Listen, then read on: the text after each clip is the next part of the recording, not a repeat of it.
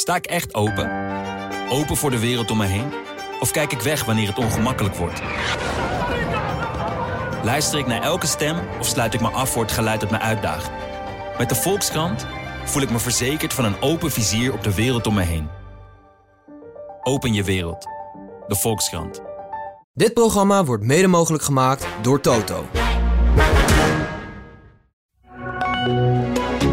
Dit is de AD Voetbal Podcast met Etienne Verhoef. Crisis in Volendam. Feyenoord heeft de Kuip nodig. Champions League duels waar nog wat op het spel staat. En, een vuurwerk, en vuurwerk in voetbalstadions. Is dat nou wel zo slim? Dit is de AD Voetbal Podcast van 28 november. We gaan het vandaag allemaal doornemen met Johan Inan. Johan, voordat we aan al die onderwerpen doorkomen... Um, dachten we nog eventjes... Jong Ajax speelde tegen Helmond Sport. En ik denk dat daar een man op het veld stond bij Jong Ajax... die duurder is als de hele Helmond selectie maal twee bij elkaar ongeveer, hè? Dan doe je op Gaston Avila, denk ik. Ja, ja je, je kan maar wedstrijdje tegen Helmond Sport meepakken op de maandagavond. Ja, en dat moest in zijn geval um, uh, ook wel. Want er is deze maand sowieso weinig uh, ruimte voor oefenwedstrijden. En hij heeft eigenlijk sinds um, uh, de trainerswissel... Mm -hmm. heeft hij nog geen seconde gespeeld. En uit mijn hoofd is hij misschien wel de enige die nog niet heeft gespeeld. Want we hebben afgelopen zaterdag kunnen zien dat nou, Ajax speelde uh, een heel aardige wedstrijd. De beste van het seizoen, denk ik. Tegen ja, wel een heel armoedig uh, Vitesse. Dat moet erbij gezegd worden. Maar je zag dat in de tweede helft van het schip de gelegenheid ook aangreep om jongens als uh, Salah Edin, Medic, -hmm. Uh, vaste reserves om die ook minuten te laten maken. Maar daar hoorde uh, Gaston Avila niet bij. En gezien zijn leeftijd kan hij nog voor jong Ajax uitkomen. Dus vandaar dat Ajax heeft besloten om, um, om hem mee te laten doen tegen uh, Helmond Sport. Mm -hmm. en, en nog iets van ritme te houden. Ja, want stel, het voor, stel je voor dat je hem nog een keer nodig hebt. Hè? Dan kan je hem maar beter hebben. Ja, al vraag ik mij af of... Um, uh, of Ajax hem nog veel gaat ge gebruiken. We gaan richting uh, de winter. En um, als er één speler of één aankoop in aanmerking komt voor een transfer, dan is het um, Gaston Avila wel. Want ja, goed, die wedstrijden dat hij speelde. Hij heeft op een gegeven moment een aantal wedstrijden op rij de kans gekregen van, van Maurice. Was linksback bij Antwerpen, ook als, aanvankelijk als linksback bij, um, uh, bij Ajax gehaald. Maar um, zowel Stijn als Wat Schip kregen van hem te horen dat hij liever uh, centraal speelt. Ja, en, en als je ziet hoe, um, hoe Jorel Hato zich daar ontwikkelt, ja, dan ben je uh, als Avila zijnde ben je wel um, gezien. Dus ik kan me voorstellen dat ze daar in de winter een oplossing voor gaan, uh, gaan zoeken. En dat heeft er ook mee te maken dat Ahmed Jan Kaplan, mm -hmm. verdediger, die ze in de zomer van 2022 hebben gehaald, die heel veel blessures heeft gehad. Uh, dat die nu op de weg terug is. En um, ja, die, die heeft zich in, in de keren dat hij zich kon, kon laten zien heel aardig gemanifesteerd. Dus dat zal dan waarschijnlijk de backup van um, uh, Hato worden. Ja, er moet ook ergens wat ruimte gecreëerd worden om dat te halen in de winterstop, toch? Want er moet wat ervaring bij zijn. Ja, de wens, de wens is om, um, om nog een ervaren nummer 6 aan de selectie toe te voegen. Ja, en dat, dat kun je doen door um, bijvoorbeeld Avila te verkopen. Zover is het nog niet. Kan ook zijn dat ze, dat ze hem gaan verhuren. Maar um, ja, goed, dat zal, um, uh, dat zal in de winter moeten gaan, uh, gaan blijken. Ja, en dan nog eventjes een voormalig Ajax-trainer, Alfred Schreuder. Uh, ontslagen en gelijk binnen een paar weken een nieuwe club in Al Nasser in de Emiraten. Blijft daar dus. was wel aardig, want wij kregen gelijk ook vragen binnen van onze luisteraars. Want die zijn natuurlijk dan heel erg betrokken bij dit soort dingen. En denken, hoe zit dat dan allemaal precies? De vraag die binnenkwam was van Wup. En die zei, ja, um, Alfred Schreuder heeft een nieuwe club gevonden. Kan je duiden hoe dat zit met die salarissen dan gelijk? Want ik ben ik wel benieuwd naar. Krijgt hij gewoon zijn contractjaren doorbetaald of zit dat anders? Oh, vind ik wel een goede vraag. Ja. In zijn algemeen, zeg maar. Mm -hmm. Dus um, de zandbak daar gelaten. Wat voor ontslagpremies uh, en regelingen ze daar hanteren.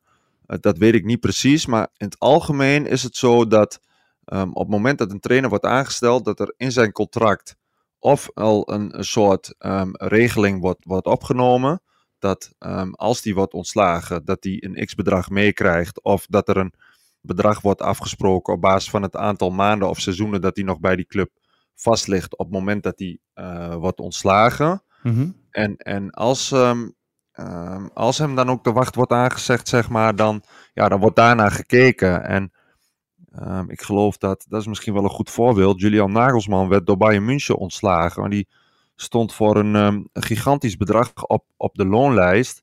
Vervolgens moest Bayern hem, hem doorbetalen.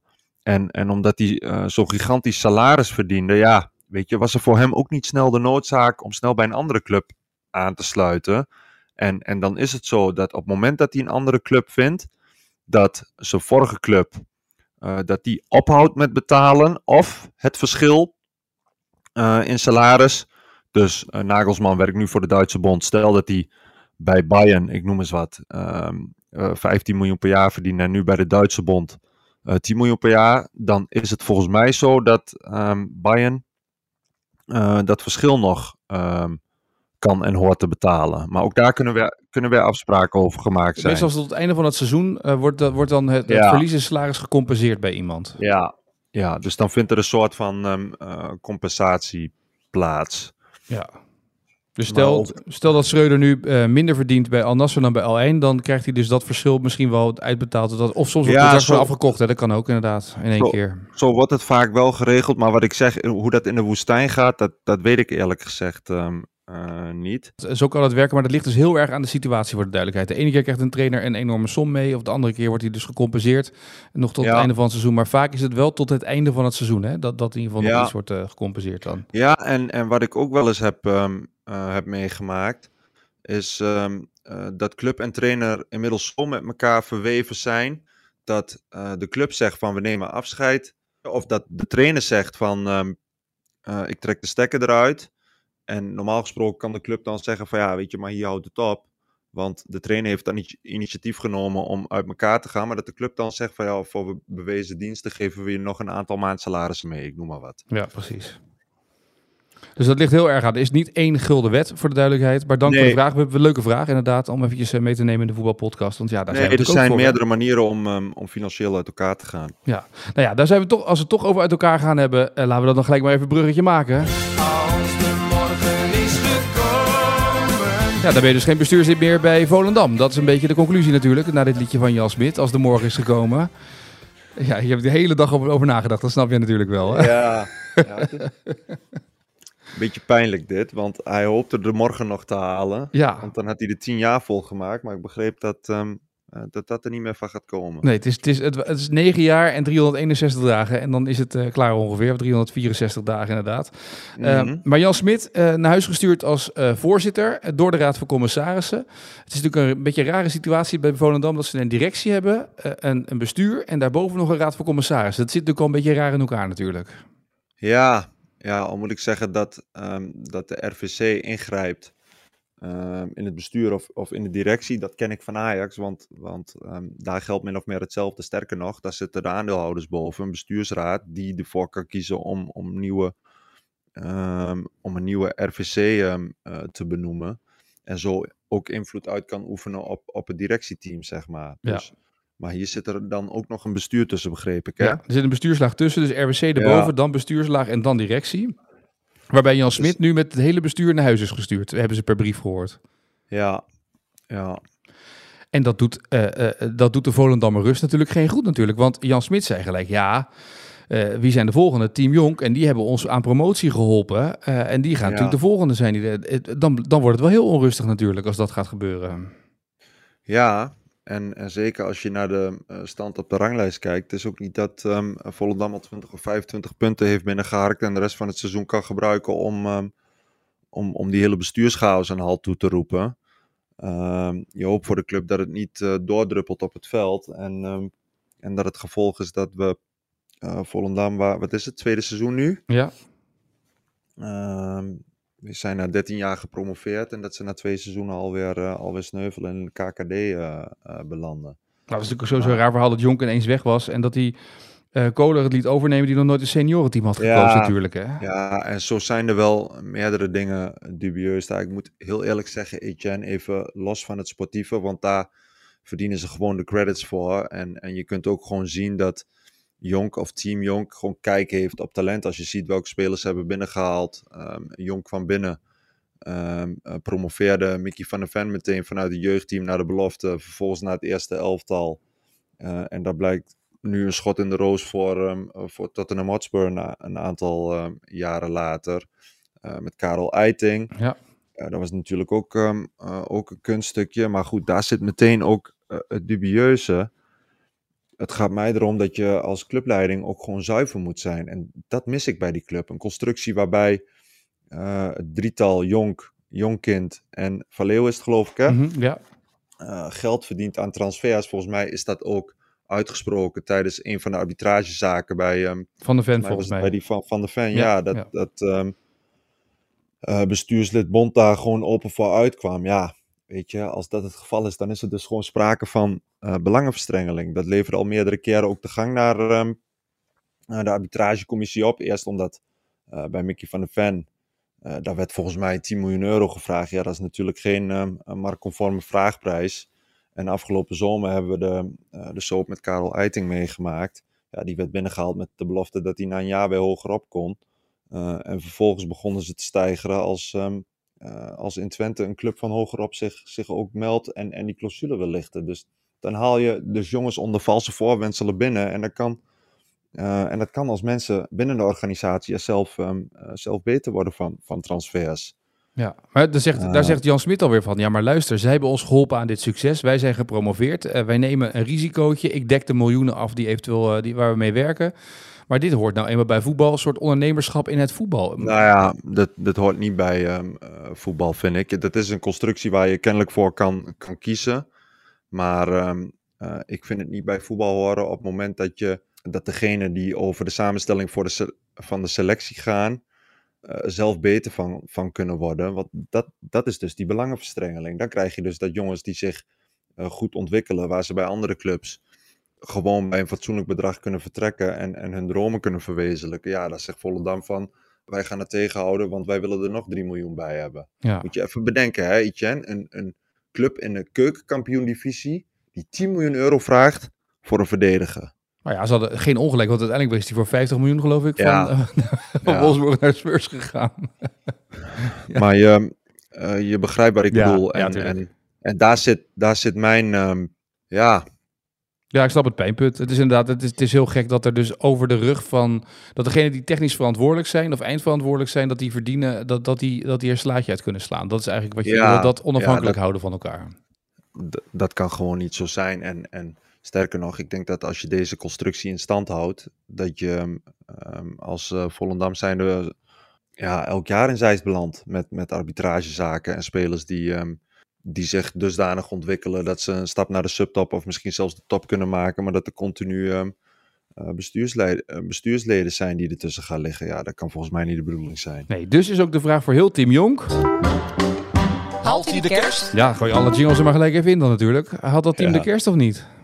Ja, weet ik niet, vind ik lastig in te schatten. De verwachting is dat, dat, um, dat de RVC nu, nu ook afscheid van hen zal nemen. Aan de andere kant, ja, dan, dan onthoofd je de club volgens mij ook een beetje op technisch vlak. Moet je dat willen op het moment dat je al uh, onder in de eredivisie bungelt? Nou ja, je moet ergens opnieuw gaan beginnen natuurlijk. Ja, dat is ook een beetje de vraag, ja, maar, als je ervan af wil. Dan, dan leg je je wel een beetje neer bij, uh, bij degradatie. En, en ik, wat ik zeg, ik, ik, zou het snappen als ze breken met, met deze uh, constructie. Ehm, alleen dan, dan leg je er wel bij neer dat je helemaal op, opnieuw begint. Ja. en waarschijnlijk weer vanuit de eerste divisie um, moet opkrabbelen. Ja, zeker. Goed. Het is in ieder geval weer het ouderwetse palingsoop uh, daar uh, in, in Volendam, die trouwens ook te zien is bij de Tros. En daar zie je het ook een beetje in terug natuurlijk. We gaan maar eens hebben over de Champions League. Want het gaat natuurlijk in, in Rotterdam over één ding. Winnen van Atletico Madrid. Want winnen betekent, nou ja, een hele, hele, hele grote kans, een reële kans om te overwinteren uh, in Europa in de Champions League. Dus er staat nog wat op het spel in de Kuip vanavond.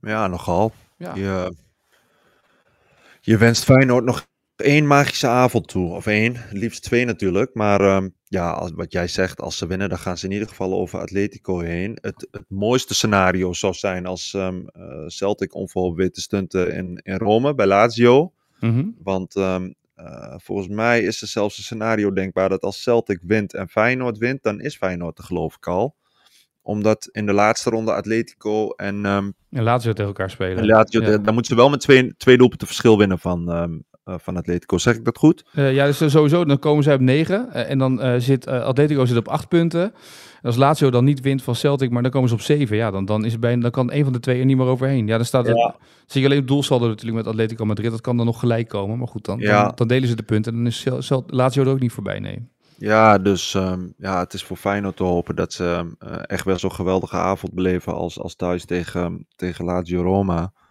Waarin ze echt geweldig spelen. En dat ze, ehm, ik denk ook dat ze best, best vertrouwen hebben eh, vanwege die wedstrijd. Maar ook de manier waarop ze ehm, in Madrid hebben gespeeld tegen Atletico.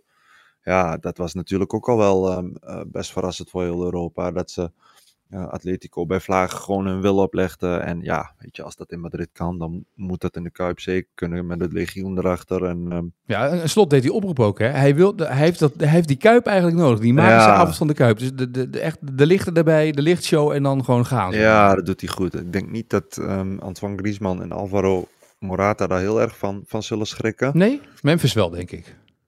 Memphis.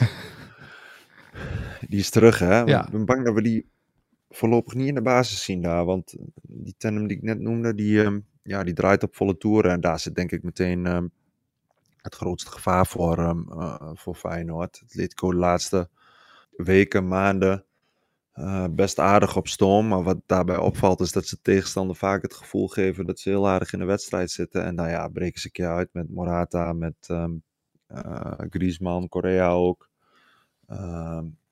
En dan is het vaak raar. Griezmann verkeert echt in, in de vorm van zijn leven. Het is ongelooflijk eigenlijk, hoe die ja, bij Barcelona is zo bijzonder om te zien. Niet, ik, ja. heb, ik heb hem natuurlijk naar Barcelona zien gaan voor, wat was het, 100 miljoen plus. Ja. Mm -hmm. En uh, ja, dat was één grote worsteling. En dan, dan weet ik nog dat hij terug werd gehaald door Atletico. En dat er op een gegeven moment sprake van was. Toen draaide die ook nog niet als vanouds uh, uh, in Madrid. En um, dat hij bij een x aantal wedstrijden dat Atletico die clausule moest, moest lichten van, van tientallen miljoenen. En dat er even sprake van was dat ze hem bewust op de banken hielden of, um, uh, of vaak wisselden, zodat ze uh, die miljoenen niet over hoefden te maken um, naar Barcelona. En volgens mij hebben ze daar uiteindelijk iets, iets op bedacht, waardoor hij bij um, Atletico kon blijven, weliswaar goedkoper. Ja, en dat is een, een gouden zet geweest als je, als je hem nu ook ziet. Hij is echt um, verkeerd in de vorm van zijn leven. Niet alleen bij Atletico, bij Frankrijk ook. Hè. Maar wat maakt hem dan zo, zo bijzonder, zo goed? Want toen ik, ik denk dan gelijk terug aan die tijd bij Barcelona. denk je, daar valt het dan niet, hier wel. Maar wat maakt hem dan zo goed en zo bijzonder? Um, sowieso een hele uh, slimme voetballer. Met um, heel goed oog voor, uh, voor de ruimtes. En ik denk dat hij op zijn best is als hij een beetje uh, om de aanval heen kan, uh, kan zwerven. En een beetje vrije rol. En bij Barcelona was hij ja, toch vaak een van de, een van de diepste mensen met, um, uh, met Messi. Ja, en dan is hij denk ik ook iets makkelijker te verdedigen dan als hij iets meer vanuit het middenveld komt en de vrijheid krijgt om, um, ja, om gewoon zijn ding te doen. En wat hij ook heel goed kan is, um, dan krijgt hij de bal met de rug naar de goal aangespeeld gaat hij een beetje schuin staan, dan heeft hij al gezien zeg maar, waar de ruimtes liggen. En dan speelt hij in één keer door, versnelt hij. Um, en, en komt hij weer, um, uh, komt hij weer aan de bal met gezicht naar het doel, zeg maar. En hij heeft natuurlijk ook een hele, uh, een hele mooie en hele goede trap. is gewoon een hele mooie, sierlijke voetballer, vind ik. Ja, nou zeg je net aan het begin, Madrid geeft de tegenstander, Atletico geeft de tegenstander het gevoel van, joh, uh, dat je goed in de wedstrijd zit en dan komen ze in één keer takken eruit. Is dat ook ja. gelijk het gevaar van deze wedstrijd? En ook dus een beetje de les van uh, Madrid? Ja, dat denk ik wel. En um, ja, dat is vaak zo. Hè? Want ik heb natuurlijk bij, um, bij Ajax meegemaakt dat Ajax in de achtste finale van de Champions League 2-2 uitspeelde bij, um, bij Benfica. Een wedstrijd die ze eigenlijk al hadden moeten winnen. En dan in de arena denk je, het zal toch niet. En daar moet Feyenoord een beetje voor waken dat het, dat het zo'n wedstrijd wordt waarin ze uh, maar niet weten te scoren. En dat dan ook een beetje die angst erin sluipt van, ja, we spelen tegen een tegenstander die een beetje de naam heeft um, uh, als een duveltje uit het doosje te kunnen komen. Ja. En, en dat deed Benfica ook met, met um, wat was het, die vrije trap die door uh, Darwin werd binnen, binnengekopt. Het mooiste zou zijn als Feyenoord uh, vroeg scoort, dat iedereen de smaak te pakken krijgt, publiek erachter en, en dat Atletico wat meer moet komen. Zelfs daar is Atletico natuurlijk geduldig voor, hè? Want die Simeone die weet echt wel wat hij doet natuurlijk met die ploeg. Ja, ja en, en daar komt ook nog bij, dat, ze hebben natuurlijk ook nog, ja weet je, als het een vechtwedstrijd wordt, daar hebben zij natuurlijk ook wel, um, ook wel de spelers voor, hè? Met Koken, met Saul Niguez, met uh, Rodrigo de Paul niet te vergeten, lopen um, uh, nog een paar tanks achterin. Spelen volgens mij niet allemaal, maar Hermoso is zo één. Die kan een tegenstander door midden za zagen. Savic. Dus ehm, ja, ze hebben voor alles wat een beetje. Individuele kwaliteit zit, zit ook wel ehm, eh, bij Vlagen echt voetbal in. Maar ja, als er geknokt moet worden, ja, dan, ehm, eh, dan kun je aan, aan Atletico en Simeone ook wel toevertrouwen. Dus eigenlijk alle ingrediënten voor echt een topwedstrijd in de Kuip, hè?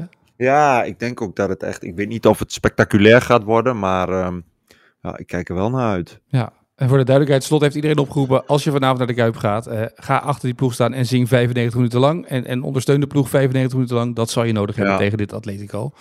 Ja, Ja, er staat het op het spel. Het is niet de enige wedstrijd waar wat op het spel staat. Hè? Want eh, er zijn groepen eh, de, de komende twee dagen waar echt nog wel wat beslissingen te vallen zijn. Bijvoorbeeld groep A, Kopenhagen, Galatasaray en United strijden alle drie nog om plek 2 in die groep achter Bayern München. En dan is het Mhm. Galatasaray United. Dat is een lekker potje voor Den Haag en de zijnen. Hè? zeker. zeker. Wat dat heksenketel daar. goed.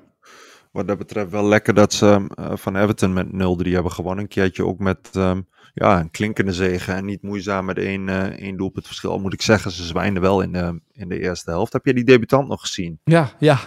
Oh, die speelde goed. Ja. Even, ik, dan sla ik die om al over. Daar heeft iedereen eh, het al over gehad. Ik kan ook iedereen aanbevelen om ehm, eh, het rijtje van collega's Mikos en Maarten eh, erbij te pakken. Die hebben even de mooiste omhaals op een rijtje gezet. En Ja. een soort, soort discussies, zeg maar. Maar ja, dat was natuurlijk schitterend, die goal van eh, Garnacho. Maar ehm, ja, ik zat ook heel erg op, op, op dat talent te letten. Menu heette geloof ik ja. Verdedigende middenvelder. Ja, die speelde werkelijk geweldig. Kon hem niet op balverlies betrappen. Was een paar keer verdedigend ook. ehm, had hij een cruciale ingreep. En ehm, ja, dat is slecht nieuws voor um, Soufiane Amrabat. Want eh, je zou verwachten dat die op die plek zou staan. Maar ehm Ten Hag koos nu voor een eh 18-jarige jongen. En die heeft zijn kans wel, wel gegrepen. Maar goed, jij vroeg naar Galatasaray. Ja, over heksenketels gesproken. Dat is er ook eentje. ja, precies. En ja. ja. ja, United moet daar winnen. Wetende ook dat de laatste wedstrijd tegen Bayern München is. Ehm, eh, verlies je die, dan ehm, ben je gezien volgens mij standtechnisch ook. Hè? ja. Nou ja, Ja. dus moet Haag hopen dat zijn oude werkgever zegt, nou weet je wat? Hè? Ik denk niet dat het zo werkt. Wat nou wel een voordeel kan zijn, is dat Tuchel die laatste wedstrijd aangrijpt om, om wat ehm, reserves te laten spelen. Waardoor de kans voor United misschien iets groter wordt dat ze, eh, dat ze gaan winnen. Ja, dan heb je natuurlijk nog die wedstrijd eh, van PSV in Sevilla. Want ook daar in die groep ligt nog heel veel open. PSV, Ja. eh, Lens, Sevilla strijden nog om plek 2 achter Arsenal. Daar lijkt het op. Gaan we het morgen Mhm. uitgebreid over hebben. Groep C, Real Madrid zeker. Napoli praktisch zeker. Als ze van Braga winnen, dan zijn ze er ook wel. Dus dan is het ook wel redelijk beslist. Net als groep D, Sociedad en Inter zijn daardoor. Salzburg en Benfica strijden nog om plek 3. Ehm nou, Feyenoord hebben we het net over gehad, die groep. Maar dan is nog een groep, zeg maar. Nou ja, daar is nog geen beslissing gevallen in groep. Mooiste hè? Dortmund, Paris Saint-Germain, AC Milan, Ja. Newcastle. Jeetje, Allemaal op, allemaal op één puntje van elkaar. Ja, Ja, allemaal topclubs ook. Even eh, als we Newcastle erbij pakken, die, ehm, die de laatste jaren natuurlijk aan een opmars bezig zijn. En eh, ze kunnen allemaal van elkaar winnen. Dat is ehm, eh, in deze groep ook wel gebeurd. Dat is de mooiste pool van, van allemaal, vind ik. En da- daar kan het dus zelfs zo zijn dat eh, Paris Saint-Germain, de club die de voorbije jaren met het meeste geld heeft, ehm, heeft gesmeten, dat die, ehm, dat die misschien de ding niet eens halen, de, eh, de knock-out fase. nee. En dan zag ik dat de technisch directeur, of de directeur van Borussia Dortmund had gezegd... ja, we spelen niet tegen clubs deze dagen, we spelen tegen staten. En dat klopt ook wel als je deze groep hebt natuurlijk. Ja, spelen tegen landen. Ja, dat, ja. Klopt, dat klopt wel. Newcastle in, ehm, in nieuwe handen sinds een paar jaar. Ja. Eh, en voor Paris gel- geldt het natuurlijk sowieso met die, ehm, met die El Khelaïfi. Ja, dus precies. ik snap wel wat hij wat die zegt. Ik vind het ook wel een mooie uitspraak om even aan te geven van ja, maar wij, eh, wij houden onze eigen broek op. Ja, precies. Nou ja, AC Milan is ook Ja. een buitenlandse handen natuurlijk. Dus wat En- dat betreft... eh, En Etienne, als jij nu na vier ronden al die standen erbij pakt, Ja. zijn er drie ploegen eh, die nog foutloos zijn. ja, City, Madrid en Bayern. En ik denk eerlijk gezegd wel dat dit de drie clubs zijn die gaan uitmaken wie, ehm, eh, wie de Champions League wint. Er kan natuurlijk een verrassing doorkomen. Dat hebben we vorig jaar met Inter gezien, die, eh, die prompt de finale haalde. Maar normaal gesproken zeg ik, een van deze drie gaat met, ehm, met die cup aan de haal. Ja, en dan heb je natuurlijk nog één groep, dat is de, de laatste, die ik eventjes erbij pakken. Eh, dat is de groep waar eh Antwerp, Barcelona, Porto en Shakhtar in zitten. Waar Pusic Ja. natuurlijk met Shakhtar verraste door te winnen van Barcelona. Mhm. En die kunnen ook nog, een stuk, nog steeds de volgende Ja. ronde halen. En bij Shakhtar Ja, is het natuurlijk wel een bijzonder verhaal als je ziet hoe die ongeveer overal de halve wereld over reizen steeds. Ja, klopt. En, en die krijgen nu Antwerpen. Antwerpen ligt er al zo goed als uit. Die kunnen in theorie nog de Europa League halen, denk ik. Ja. Nee, dan kunnen ze zelfs niet meer volgens mij. Oké, punten, eh, nee, een paar vette nederlagen ook, maar ehm, ja, dan moet Pusic, je zou zeggen dat kan, dan moet Pusic van, ehm, eh, van Antwerpen winnen, van, Ja. van Bommel. Ja, en dan kijken wat er Eh, gebeurt bij die andere wedstrijd tussen Barcelona ja, en Porto. precies. Ja, En dan, dan hebben ze het in ieder geval in eigen hand voor, eh, voor de laatste speelronde. ja.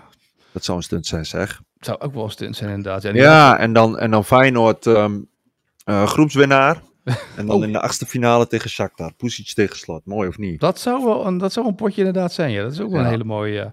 laatste wedstrijd trouwens wel is eh Shakhtar tegen Porto natuurlijk. Hè. En, en eh, Barcelona tegen Antwerpen. Dat is de laatste speelrond in die groep trouwens. Dus het kan, het kan inderdaad voor Pusic allemaal. Ja, dus, eh, en, en Barça, goed, die gaan normaal gesproken wel redden. Maar normaal gesproken, als je die de laatste weken ziet worstelen.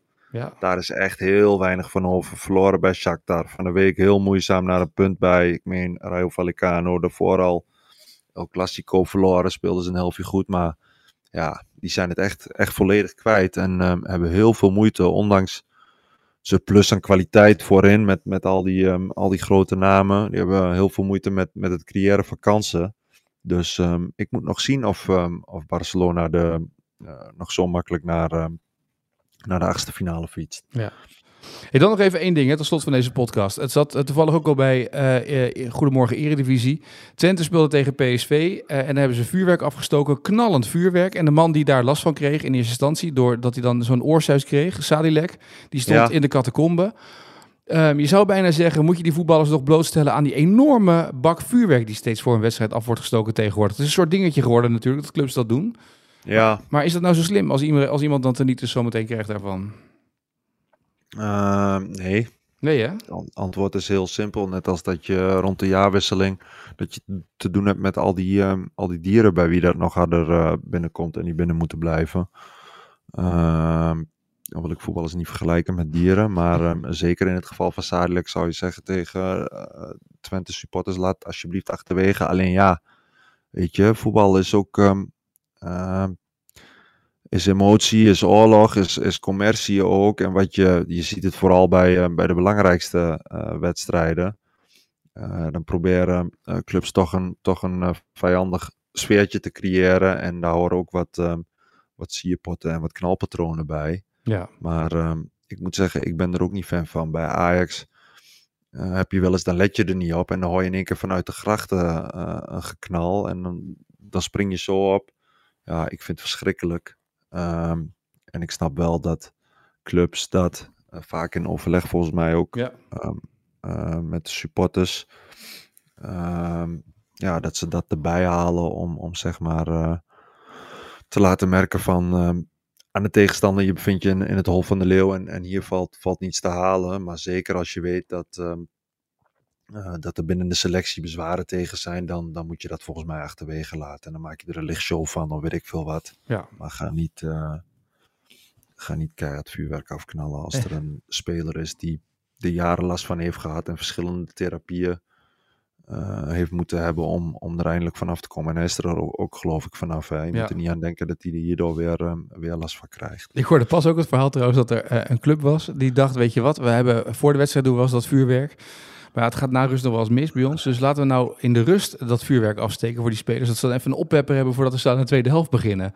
Oh ja. Toen dacht ik, ja, maar dat is natuurlijk 0,0 Daar heb ik nog effect niet- als iedereen binnen staat. Of iedereen nog een beetje zit te wachten en ineens het vuurwerk afgaat begin tweede Dat helft. heb nog nooit niet meegemaakt. Ja, en weet je, nu Ze komt hebben het ook dit niet gedaan. verhaal Ze hebben het ook niet gedaan. Dus dat, eh, Nee, en ik zit nu te denken, nu, nu dit van Sadilek bekend is, ja, weet je, je hoopt ook niet dat tegenstanders dit nu gaan gebruiken om, ehm, om hem of Twente Nee. te treiteren, zeg maar.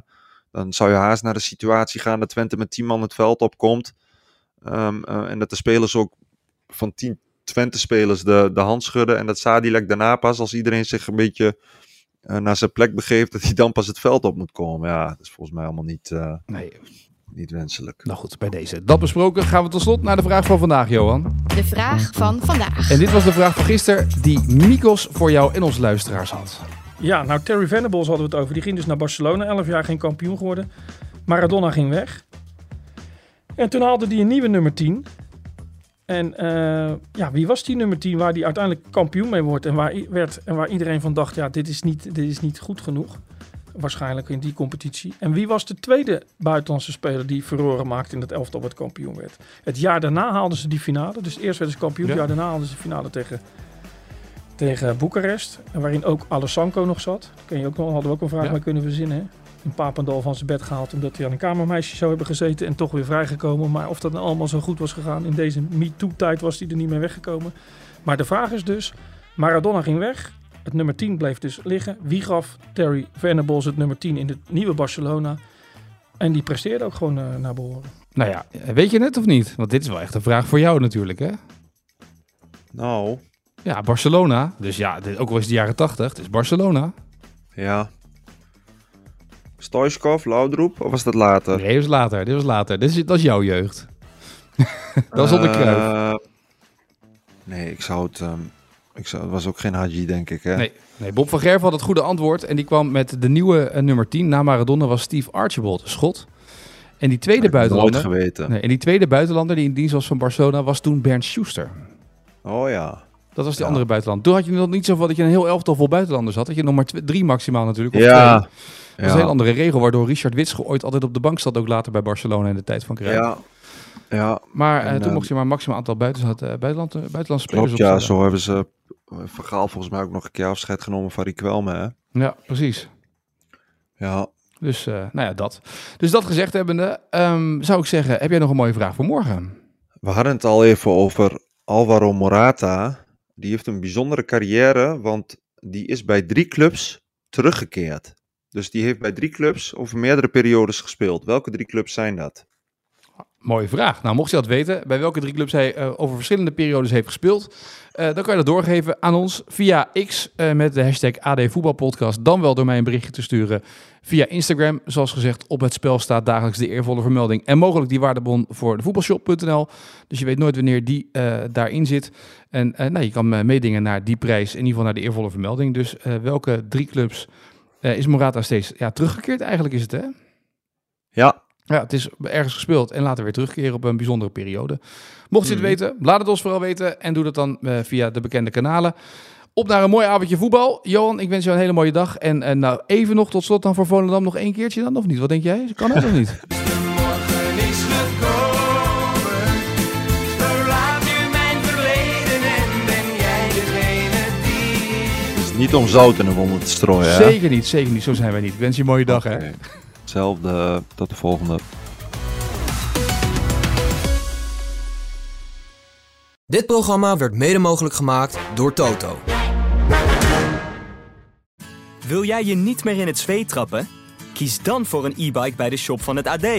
Dit is dé manier om naar je werk of school te fietsen of om mooie tochten door de natuur te maken. Nu extra voordelig op ad.nl/shop